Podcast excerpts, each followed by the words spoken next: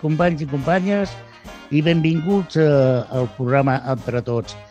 Estem molt contents, francament, no ho puc negar. Molt contents perquè després d'un any terrible amb la maleït virus i la pandèmia, tornem. Tornem a estar amb vosaltres a través de Ripollet Ràdio, al 91.3. Tornem a estar aquí tots, bueno, tots no, el segon dijous de cada mes, de 7 a 8 de la tarda, estem amb vosaltres, amb un programa que de veritat ens fa molta, molta, molta il·lusió al començar. Bé, i per on començarem? Doncs començarem per al sumari.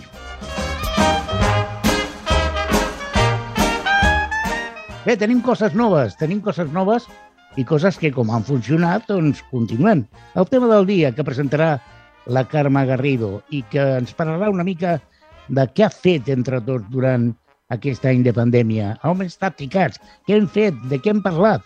Pues això, de tot això ens parlarà la Carme Garrido.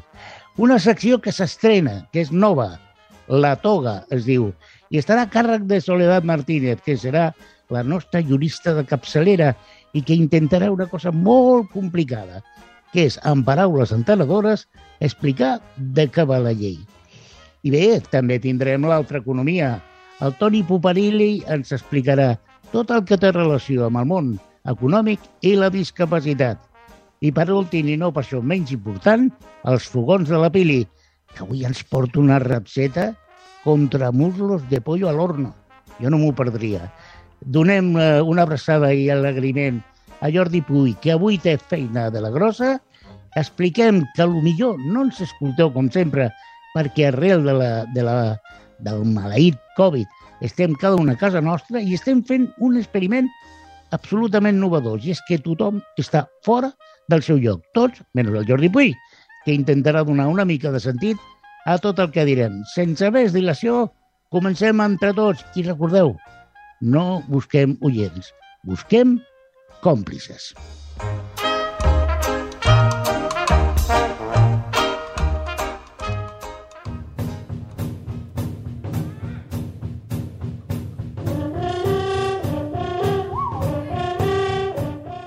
Doncs comencem, comencem el programa d'avui amb la... Bueno, perdoneu, m'acabo de posar en peus, senyora molt honorable presidenta d'Entre Tots, senyora Carme Garrido, molt bon dia. Molt bon dia. No cal que et posis de peus. Ja pots continuar assegut, que prou feina tens. Doncs gràcies, perquè la veritat és que m'estava costant, eh? Ja. La senyora presidenta Carmen Garrido d'Entre Tots. Aquí, una altra vegada, aquí, eh? Bueno, aquí no.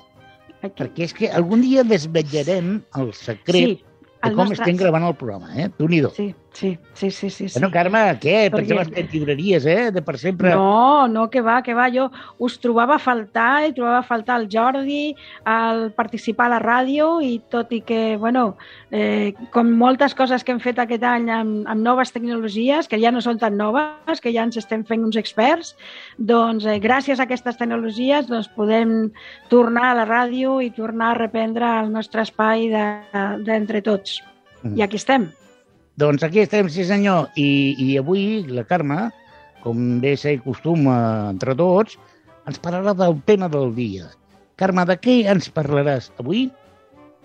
Bé, com avui és el primer dia que tornem a les zones ja de, en horari eh, continuat, diguéssim, el segon dijous de cada, de cada mes, de, de 7 a 9, doncs i estem al mes d'octubre, eh, recordar, sobretot pel, pels polios, que el dia 22 és el Dia Internacional de la Polio. Per tant, estem en lluita i farem una miqueta de resum perquè aquest any, eh, maleït, com molt bé dius, de, de Covid, doncs hem estat tancats però no hem, hem estat uh, aturats.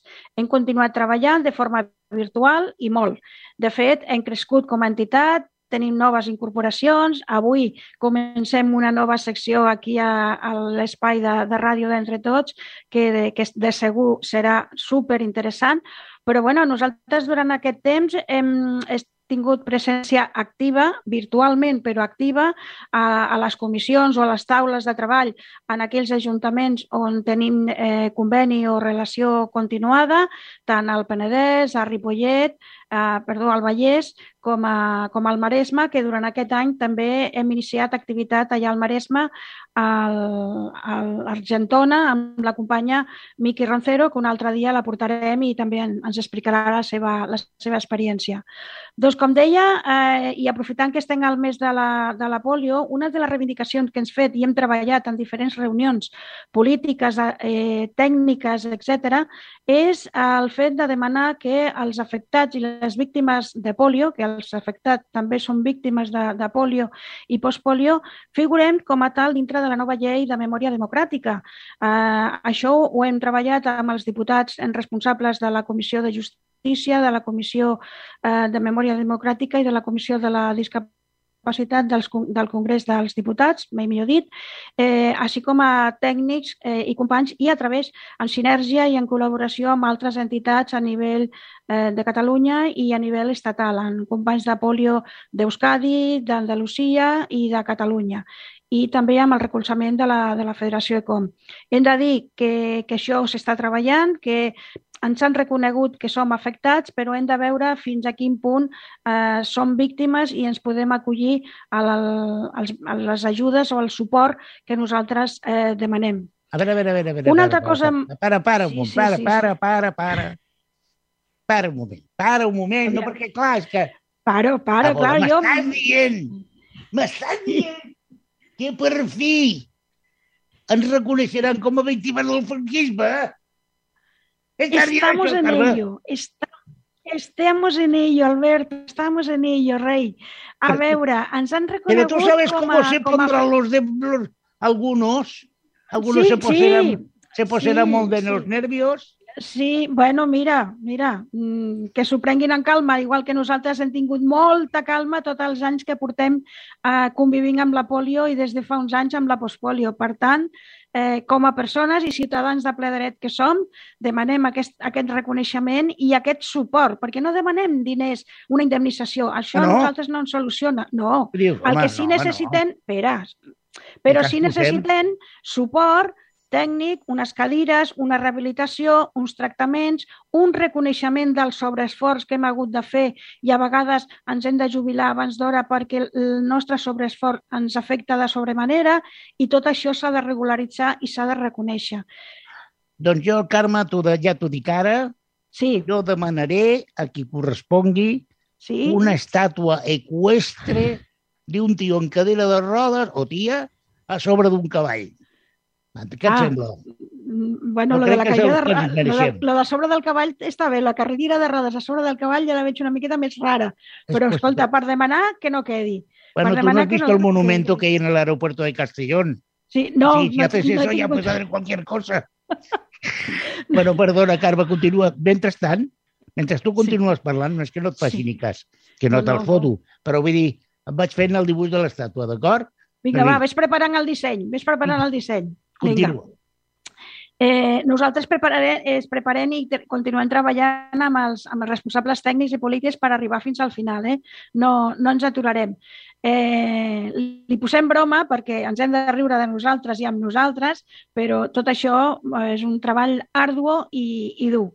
Bé, una altra ocupació que hem tingut durant tot aquest any, perquè també ha estat un mal de cap mm, de, valoradament eh, impressionant, és el tema dona i discapacitat. El tema del confinament, el fet de que no podien sortir de casa, ha fet que les dones les dones en general, però molt en particular les dones amb discapacitat, han patit eh, una agressió, un increment de l'agressió i de la violència i dels abusos a dintre dels seus domicilis. Això ha fet que eh, nosaltres com a entitat ho hem treballat en diferents jornades, en diferents eh, espais de treball i, per tant, fins i tot dintre del, del, del col·lectiu de la Federació ECOM, que sabeu que, que en formem part, doncs des, som un grup de, de dones diverses, eh, estic entre elles treballant en aquest sentit per garantir la, la, que, que la persona que tingui un abús, una violència a casa, pugui mitjançant telefònicament, a través de qualsevol mitjà, pugui recórrer i demanar l'ajuda que, que necessita. Des de com fa temps eh, hi ha un projecte que es dona al Salvol i eh, donem suport a totes aquestes persones i treballem conjuntament i sobretot donar visibilitat al col·lectiu de dona amb discapacitat que fins i tot dintre del feminisme eh, encara són petites. Hem de créixer. Dones i dones amb discapacitat, alcem la veu, unim a totes i, i tirem endavant. Una altra cosa que també hem fet eh, aquest any, eh, també de forma virtual, això a les xarxes i a tot arreu podreu veure, és celebrar el 50 aniversari d'ECOM. A, a ECOM som un, una entitat, una federació que agrupa més de, de 130 eh, entitats a nivell estatal i sobretot a Catalunya i el lema d'aquest 50 aniversari és Juntes ho farem possible. Juntes farem possible això, lluitar pel reconeixement, per la visibilitat i els drets de les persones amb discapacitats. I bé, dintre d'aquests eh, grups de treball, també eh, personalment estic en un grup de treball de mobilitat i accessibilitat amb les companys de, de i això fa que pròximament ja estem treballant, ja estem, bueno, de fet eh, estem aquests dies a la, al mes a la Setmana Europea de la Mobilitat i si ens busqueu per les xarxes trobareu eh, activitats per, eh, per treballar plegats. També en el tema d'habitatge, eh? això ens parlarà després el, el nostre company, el, el Toni Puparelli. Però hi ha un tema, Alberto, que també eh, l'hem tingut aquest mes de, aquest mes de, bueno, més, més aviat de setembre, no? I han sigut les Paralimpiades. De, després de, de suspendre... Ei! Hombre, després de suspendre les per al tema Covid, les Olimpiades, els Jocs Olímpics i els Jocs Paralímpics, pues, aquest any per fi a Tòquio eh, s'han pogut celebrar d'una manera reduïda perquè els, els esportistes havien d'anar sols, no podia haver-hi públic, ni familiars, ni res, ha sigut una cosa...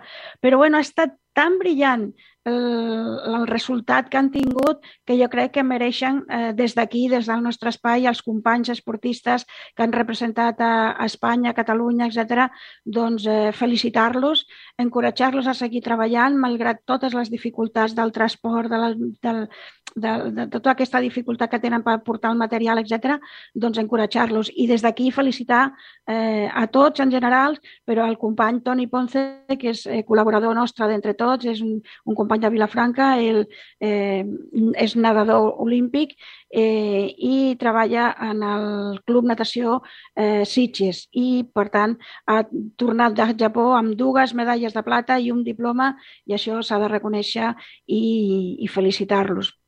He de dir Res... que, que la cerimònia tant de tancament com d'obertura dels Jocs Paralímpics sí. ha estat, eh, no només el dels Paralímpics, sinó el dels Olímpics també, ha sí. estat de les cerimònies, al marge dels gustos que cada un pot tenir, de les més inclusives que, que hi ha hagut mai. Sí. I penso sí. que s'ha tractat eh, molt, molt, molt bé uh -huh. el tema de la discapacitat tant en la inauguració de les Olimpiades com sobretot les de les Paralimpiades. I això ho hem de destacar, perquè es pot ser inclusiu sí. i no per això trencar dinàmiques ni res de, de tot això. Jo penso que si alguna cosa s'ha demostrat en les Paralimpiades que és un producte que pot ser consumit per qualsevol persona que li agradi l'esport. Exacte, exacte. No, i, I tal com el nostre lema diu, la, la nostra entitat, que atenem la discapacitat fomentant les capacitats, doncs en aquesta cerimònia, amb tots els Jocs Olímpics, en tots els dies de, de competició, però a la, a la cerimònia d'inauguració i de clausura, la veritat és que es va demostrar les capacitats que tot el col·lectiu podem demostrar i fer coses tan meravelloses com les que es va veure en aquestes Paralimpiades. I recordar que mm, hi ha una lluita, perquè hi ha, una desigualtat molt important entre els, els esportistes olímpics i els paralímpics. Aquí, aquest any, s'ha aconseguit, a través del treball conjunt del Comitè Internacional d'Olimpiades, mm, en, en col·laboració amb la Federació Espanyola, doncs, eh, i no, no equiparar, però sí incrementar la quantia econòmica i els percentatges tant de les medalles com dels els trofeus que, que guanyen aquests esportistes, que és molt important i d'alguna manera anem guanyant eh, terreny aquesta, aquesta desigualtat. I jo em quedaria, Albert, amb el 15%, amb aquest moviment del 15% de persones que, que és la discapacitat a nivell mundial, aquest 15%, depèn del país. En països més avançats és menys, arribem a un 10, però en els menys eh, avançats arriba a un 15 o fins i tot alguns més. I molts eh, subdesenvolupats que no arriben no és perquè no hi hagi discapacitat, sinó com ens explicava una tècnica internacional l'altre dia, eh, els fan desaparèixer llenguatge. I això és el que no es pot permetre. No? Per tant, avançar i, i donar visibilitat a aquest, a aquest 15%.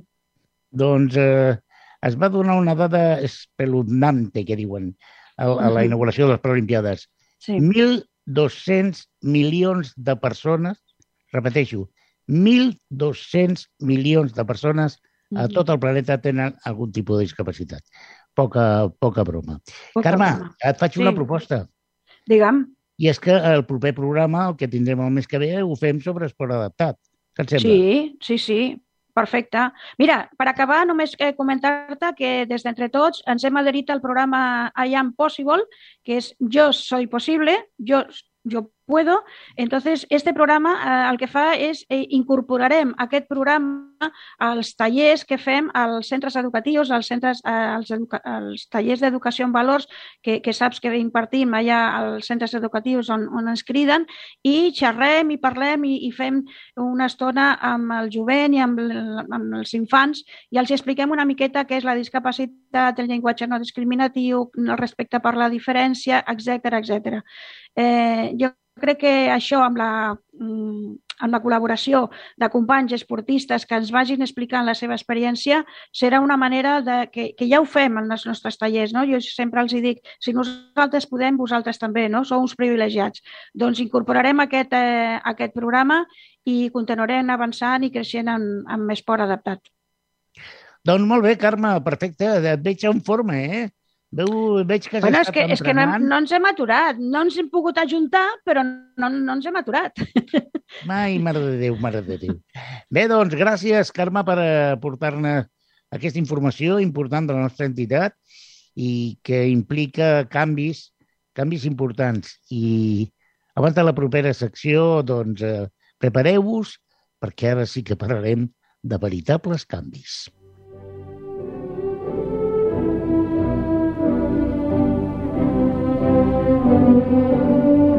Senyores i senyors, entre tots es complau en presentar la nova secció que, sens dubte, darà molt que parlar. Sí, una secció complicada, arriscada. Hem patit, hem lluitat, encara tenim por, perquè la llei és dura, la llei és farragosa, no s'entén, però Nosaltres tenim l'antídot de tot això. Tenim a la millor.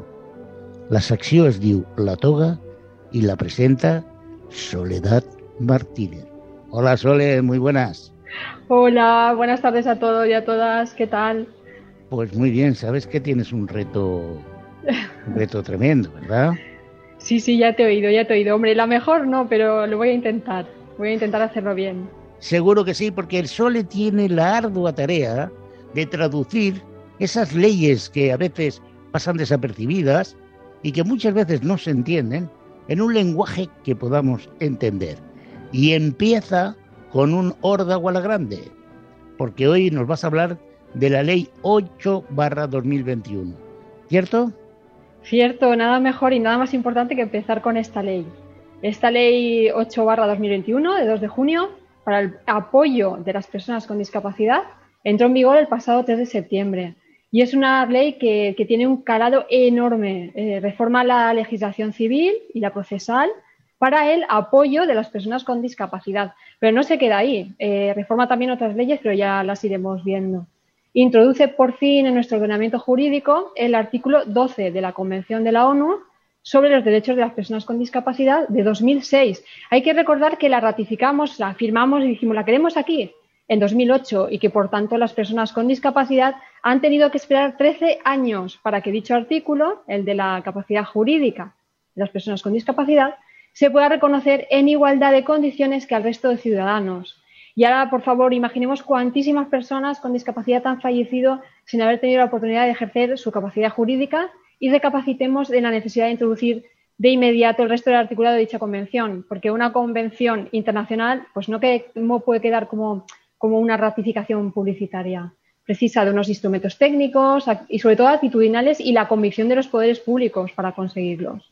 Necesitamos que la legislación sea rapidita, sea ágil y dé instrumentos a la justicia para que esta también pueda ser rápida en la aplicación y salvaguardar pues, los derechos reconocidos en la Convención. Recordemos que son derechos fundamentales. Y bueno, puedo pasar a desgranar unas pequeñas líneas generales. La, ley es muy profunda, ¿eh? pero vamos a, intentar eh, hacerlo fácil. El objetivo de la ley es conseguir que todas las personas con discapacidad tengan la capacidad jurídica en las mismas condiciones que las demás personas. Y esto implica que ya eran titulares del derecho, pero ahora además tienen el derecho a ejercerlo. Así, las personas con discapacidad pues, pueden tomar la rienda de su vida y actuar según sus propias decisiones, con el apoyo que precisen.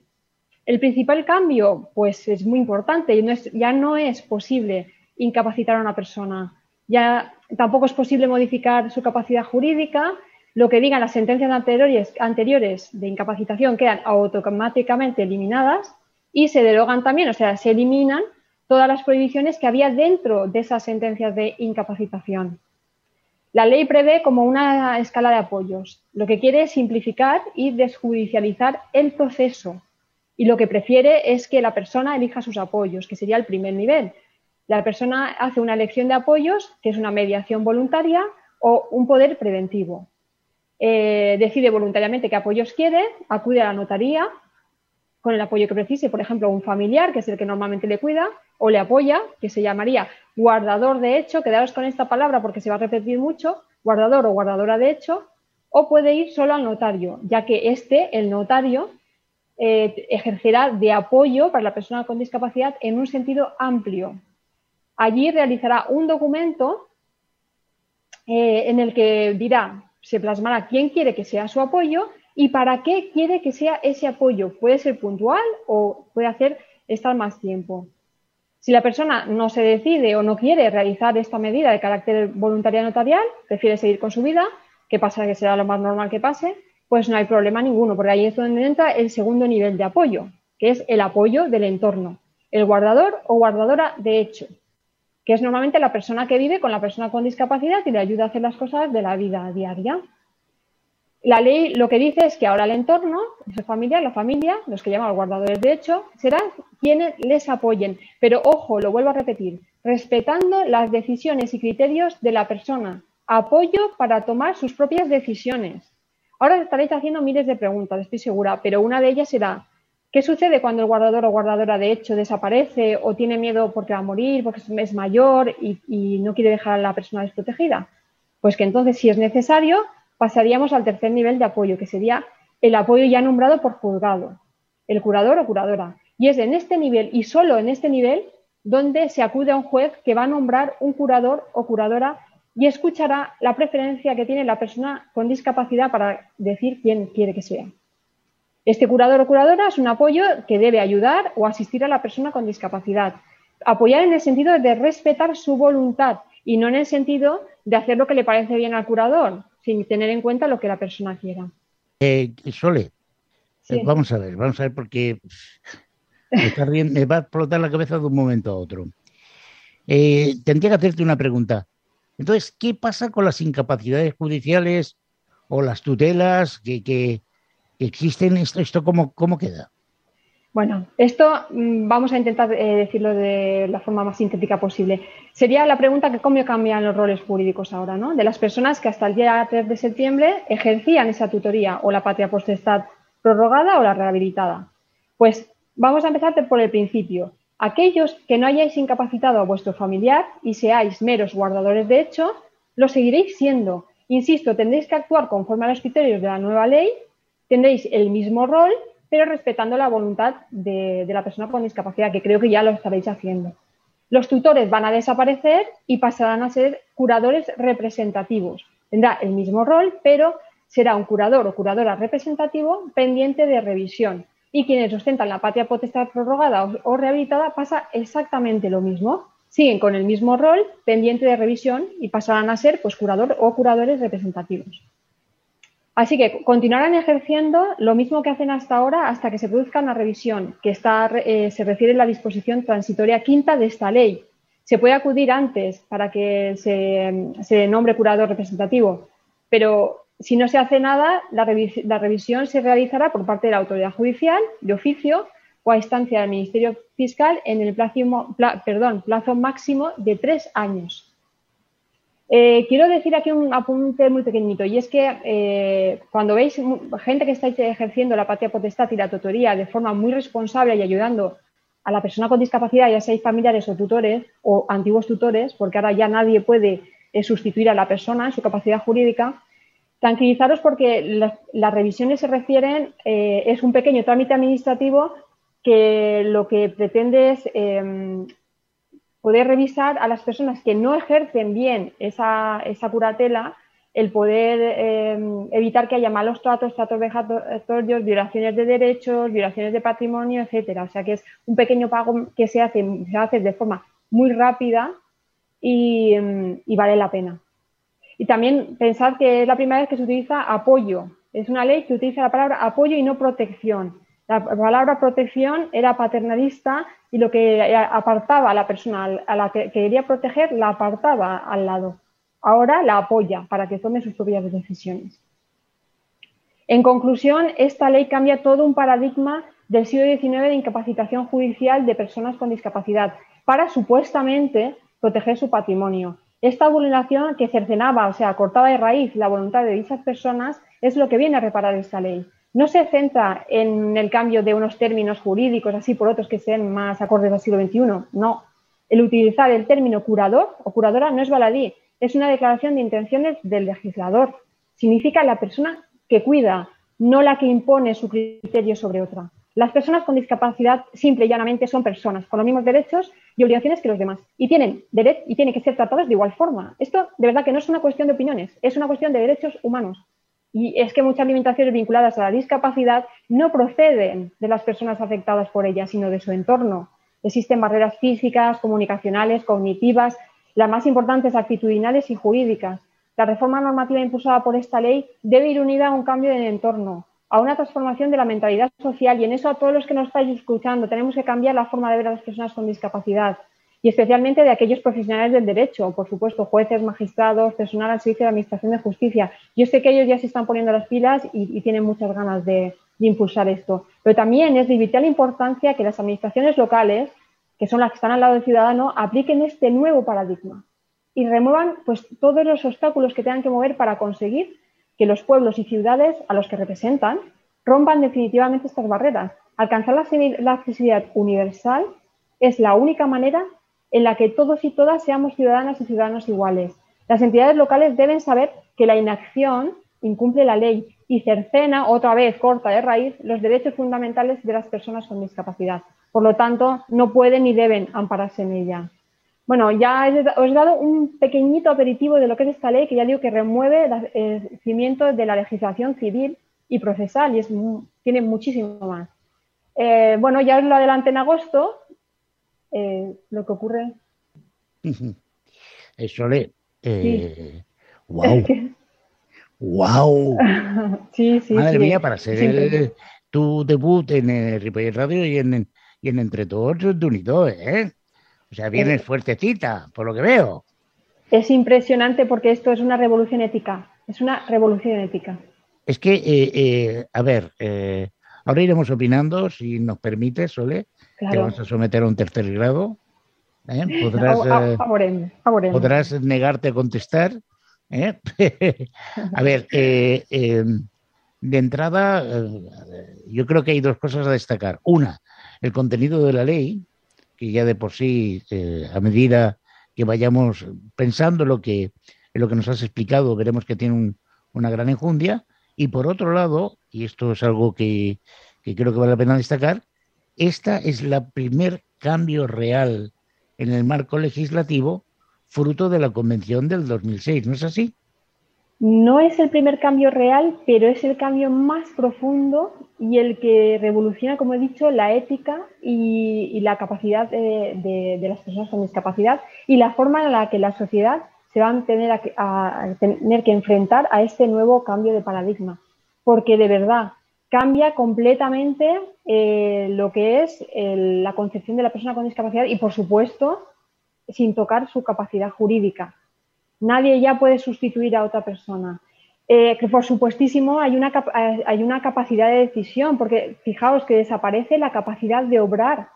Antes estaba la capacidad de obrar y la capacidad jurídica, y los jueces lo que hacían eran ver si una persona tenía capacidad de obrar para ver si tenía derecho a capacidad jurídica. Ahora no. Ahora la capacidad de obrar desaparece y solo existe la capacidad jurídica que nadie va a perder. Lo que sí que hay es una capacidad de decidir. Y esa sí que va a tener que ser pues una decisión, lo que llamamos de forma coloquial, una decisión cabal, ¿no? que esté formada y que esté, em, pues eso, que tenga una capacidad de decisión que sea eh, real, que se vea que, bueno, y luego tendrá, pues, sí, No, no, Soles, es que está, eh, yo digo como, como Alberto, wow, porque esto marca un antes y un después, ¿eh? O sea, mm, yo no soy abogada, pero dentro de la entidad ah, y, fuera de la entidad llevo, llevo años trabajando con temas de, temas de jurisdicción y demás, em, de un y do. Entonces, por ejemplo, es que, claro, la, Convención de, Naciones Unidas que se, que se ratificó en España en 2008 tiene 50 artículos de los cuales los 24, hay 24 que son más directos, digamos.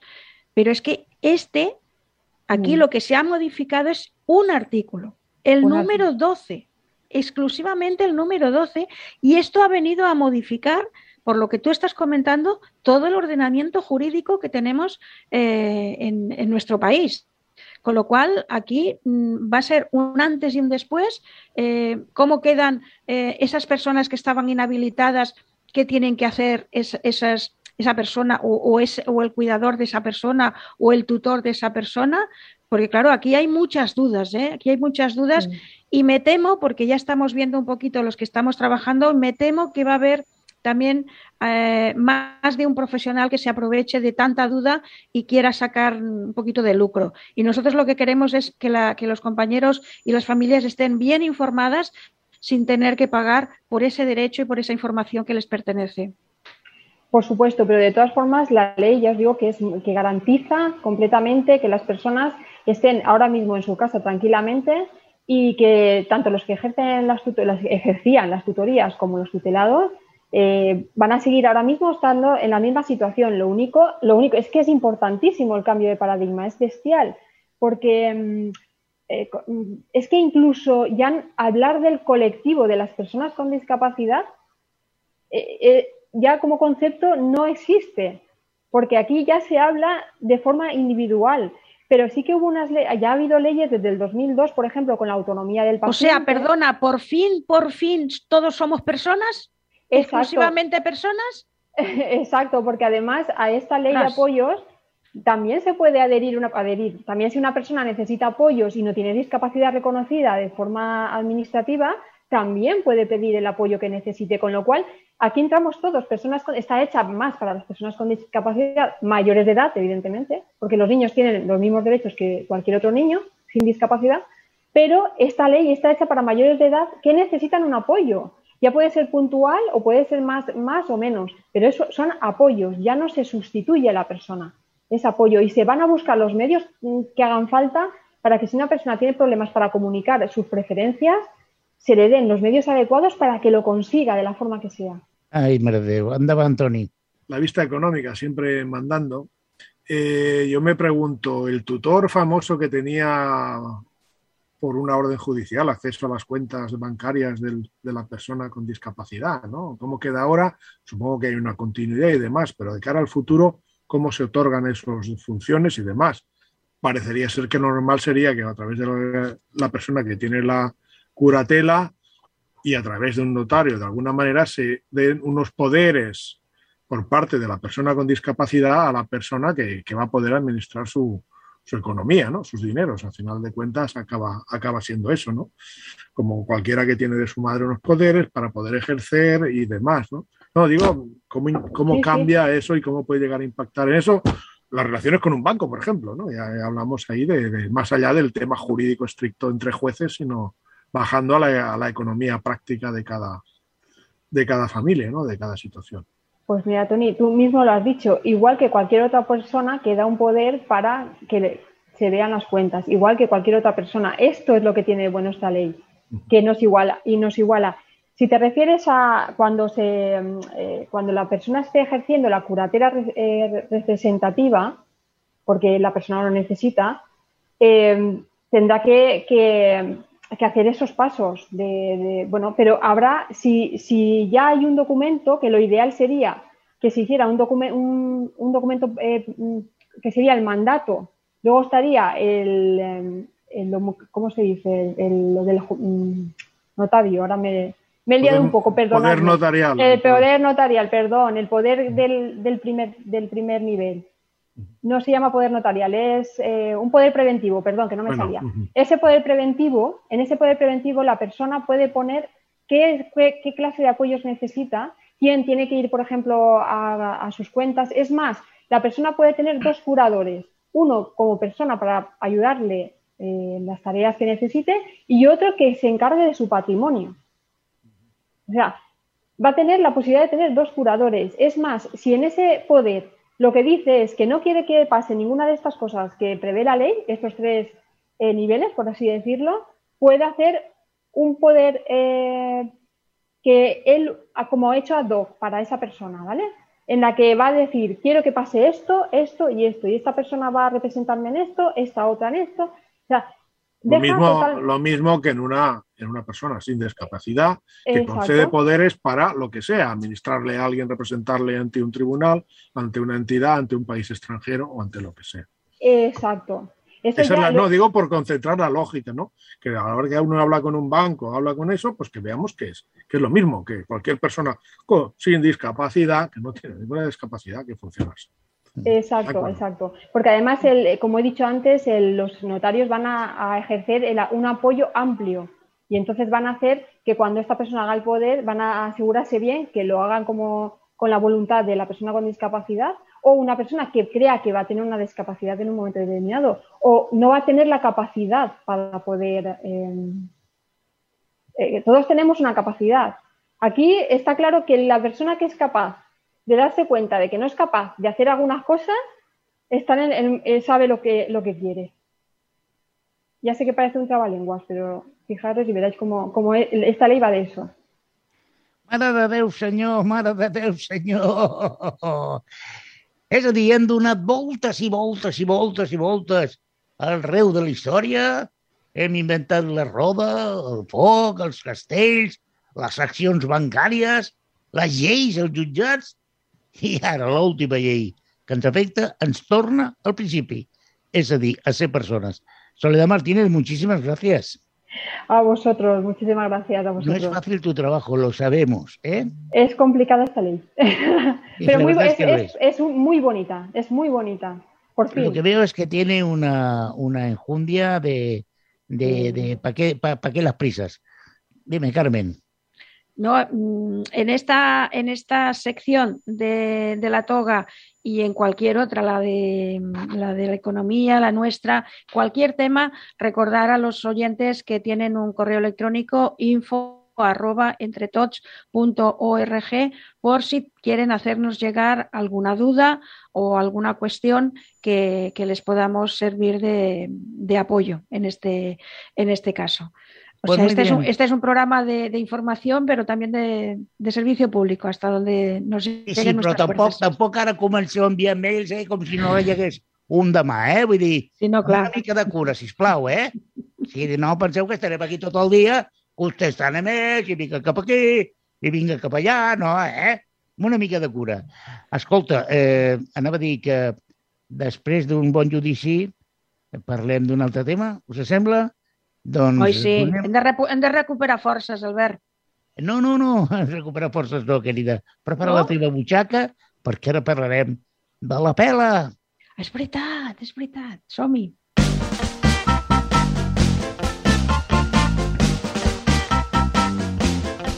Bé, i ara parlem de calés, d'aquesta maleïda economia que a vegades ens fa trontollar. Però jo penso que, que paga la pena saber una, una mica més del món econòmic. I tenim el millor expert que podíem tenir, Toni Puparelli. Molt bon dia. Bon dia. De què ens parlaràs avui? Jo parlaré, he fet un, un joc de paraules, però que crec que és prou entenidor i que encara que tingui una mica de conya, té un sentit. Un habitatge accessible, missió impossible. Doncs endavant, Toni, quan vulguis. Bé, habitatge accessible, missió impossible, intento concretar el que es dona, el que es produeix. Només hi ha un 0,6% d'habitatge adaptat en l'estat espanyol. 0,6%. Imagineu què vol dir això per una persona que tingui una, una discapacitat sobrevinguda, la trencada d'una cama, dues cames que necessita tenir un habitatge accessible, o que simplement una persona que viu en un lloc, una ciutat i que necessita per feina el que sigui, traslladar-se com qualsevol humà a, una, a viure en una altra ciutat i que no troba cap habitatge adaptat. La majoria d'habitatges que hi ha adaptats estan adaptats per les necessitats específiques de la persona que viu allà. Normalment s'haurà una, una discapacitat o s'ha de produir al llarg del temps i el que es fa normalment és buscar algú, un expert o no expert, el manyer de turno, el paleta de turno, que faci una mica d'arreglos per, amb ajudes de l'ortopèdia, consells i demés, perquè la, la vivenda sigui mínimament accessible per a aquelles necessitats. No hi ha, encara que es digui que tenen que haver habitatges accessibles en vivendes socials, però resulta que vivendes socials tampoc n'hi ha. Vivendes de lloguer assequible tampoc n'hi ha amb la qual encara es complica molt més el tema d'això. I la dificultat, inclús tenint diners, una persona que vulgui anar a viure, diu, no, és que vull una vivenda accessible, no s'ho troba, ha d'invertir diners i temps, sobretot molt de temps, perquè no són obres fàcils de fer ni això, per això no n'hi ha potser, però que tampoc s'incentiva ni tampoc es aconsegueix.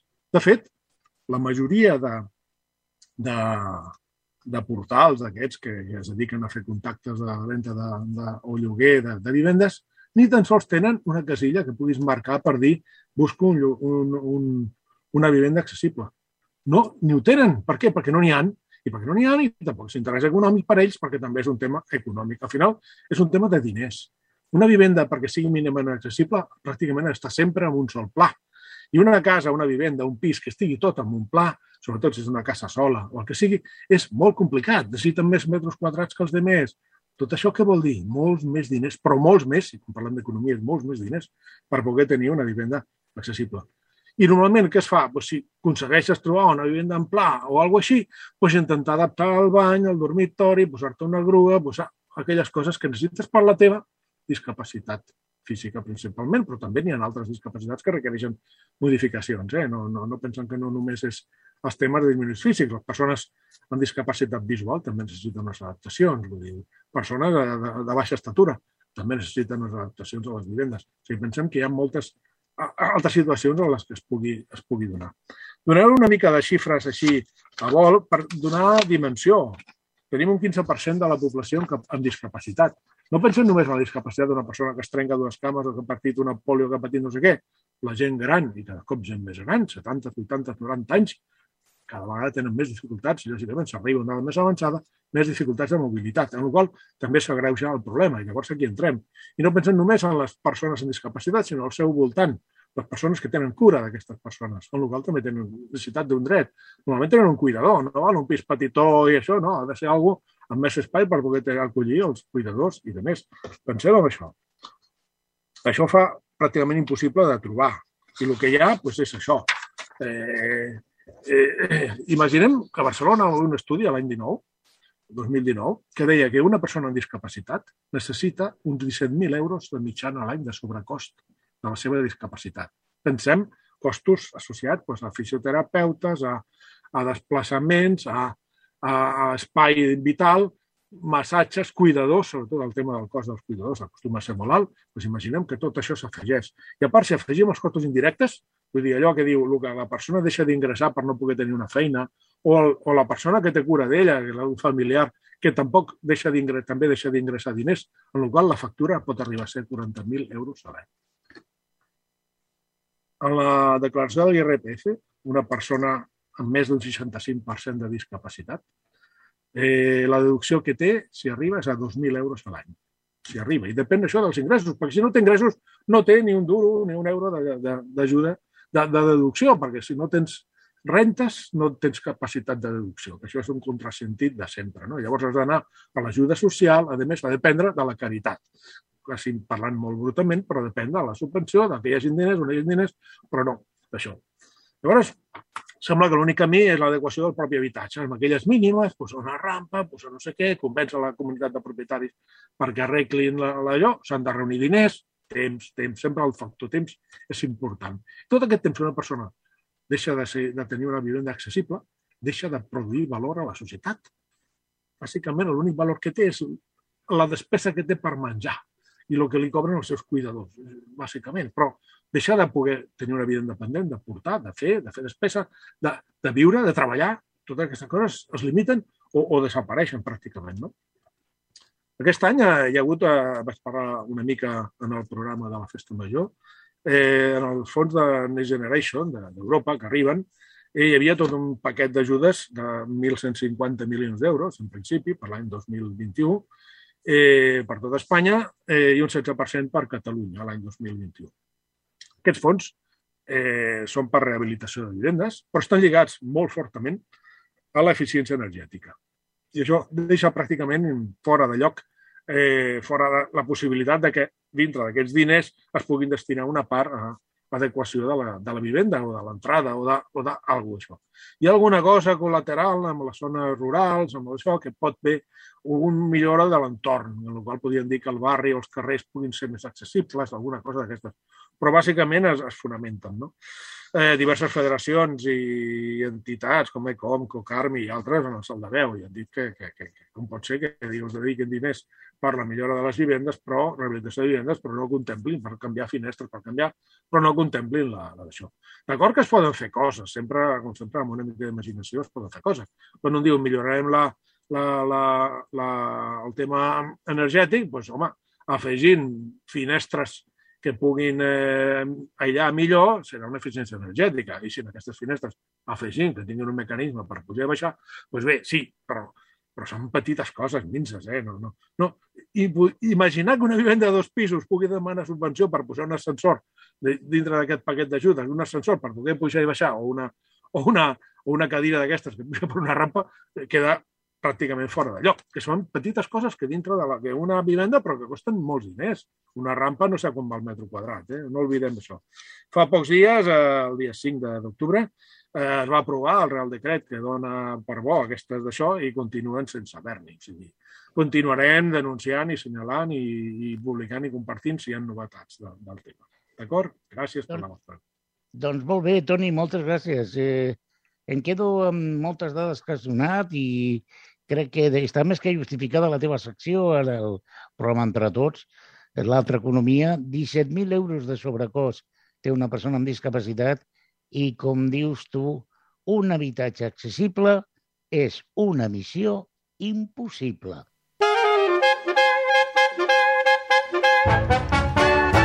Doncs sí, continuem i, i l'hem demanat a la millor cuinera d'entre tots y ens ha preparat unos contramuslos de pollo al horno para chuparse los dedos. Escuchemos qué nos ha regalado Pili. Hola, hoy vamos a preparar con chamurros de pollo al horno. Eh, espero que os guste. Yo en principio, sobre todo, intento tenerlo todo como quien dice, eh, como dicen los entendidos, todo, todo a mano. Eh, el pollo normalmente son los contramuslos. Yo mm, les, digo que me quiten los, los huesos y la piel. Los dejo limpitos completamente y luego hago pues normalmente tres trozos de cada, de cada contramuslo, que queden como un poquito, un poquito, un poco más de un bocado. Eh, también eh, necesitamos eh, aceite, cebolla, luego cebolla, cebolla bastante, cebolleta grande, un ajito, normalmente yo he hecho de aquí ya, o sea, sal de ajo, un poquito con el aceite, he hecho un poquito de sal de ajo, que da un poquito de sabor, pero no se nota demasiado el ajo. La cebolleta, eh, un brick de caldo de pollo o verduras y un bote de pimientos cortados, de aquellos mm, que tienen un, ajito dentro. Un bote, no, medio bote. Y bueno, en principio con eso tengo bastante. Lo tengo todo preparado con la mesa, normalmente más que nada porque al tener problemas de, movilidad, pues si lo tengo todo a punto, a mano, pues no tengo que pedir nada. En una sartén ponemos un poco de aceite y, la sal de ajo, un poquito, media cucharadita así. Cuando ya está más o menos doradita, le echo la cebolla, la cebolleta, muy picadita y lo bajo casi al mínimo, el, fuego. Se va haciendo poco a poco, poco a poco. Yo dejo que se haga totalmente porque me gusta la cebolla, el sabor, pero no me gusta encontrarla. Cuando ya está toda a punto, está toda muy, muy hecha, le pongo la, las tiritas de, de, pimiento, las echo así encima, y pongo eh, que se vaya haciendo, que vaya cogiendo el, gusto también de la cebolleta, y, y el poquito, un poco de, de, caldito de pollo, o de verduras, lo que, lo que prefiráis hago que, que, que hagan chup, chup, chup un poco, que se, que se junte todo bien, que se mezcle todo bien. Y mientras tanto, en una olla, de, en una bandeja de aquellas de Pirex, de, de cristal de aquellas para meter al horno, preparo una, una gotita de aceite, pero poquito, ¿eh? Y encima, y luego voy poniendo los, los contramuslos, uno, o sea, bien puesteditos encima con un poquito de sal y pimienta. Que queden juntitos todos. Cuando las tengo todo preparado, cuando estoy ya toda lo, que es lo de la cebolleta hecha, lo echo todo por encima del, del, pollo. Le pongo un poco más de caldo, más o menos que no que tampoco, no que quede muy anegado de agua, de caldo, pero sí que quede bastante caldito porque luego gusta este caldito. Y lo meto al horno lo tengo al horno a 180, pues unos 20, 25 minutos. Eh, yo voy mirando el pollo como queda. Normalmente le doy la vuelta dos veces, una vez y luego la otra. Cuando veo que está hecho, lo saco y ya está. O sea, es muy fácil de hacer y la verdad es que barato y sienta bien. Hoy hemos comido eso. Hasta luego.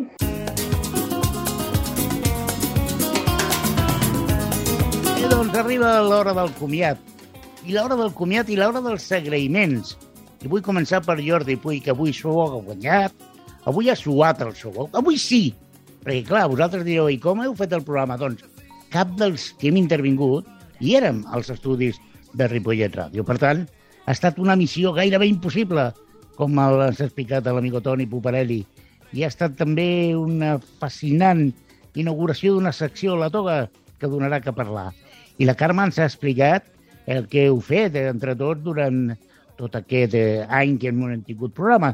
I la Pili ens ha donat uns contramuslos de pollo a l'horno extraordinaris, però Carme, si jo vull saber més coses d'entre tots, què he de fer? Home, ens podeu seguir per les xarxes socials, ens trobareu a Facebook, a Instagram, a Twitter, a YouTube i sobretot recordeu que cada dijous, eh, segon dijous del, de cada mes, a la tarda, de 7 a 9, de 7 a 8, perdó, de 7 a 8, una hora, eh, ens trobareu a Ripollet Ràdio. Eh, ens podeu fer arribar les, els vostres dubtes, les vostres qüestions al correu electrònic info arroba entretots.org i per més informació i si no sabeu trobar, no podeu escoltar el programa en directe, a la nostra pàgina web trobareu l'enllaç entretots.org. Aquí ens trobarem. Doncs, doncs molt bé, senyores i senyors, aquí acaba la qüestió. Entre tots eh, s'acomiaden el primer programa de la temporada, donar-vos l'agraïment i recordant una cosa molt important, que nosaltres no busquem oients. Entre tots el que busca són còmplices. còmplices. Adéu.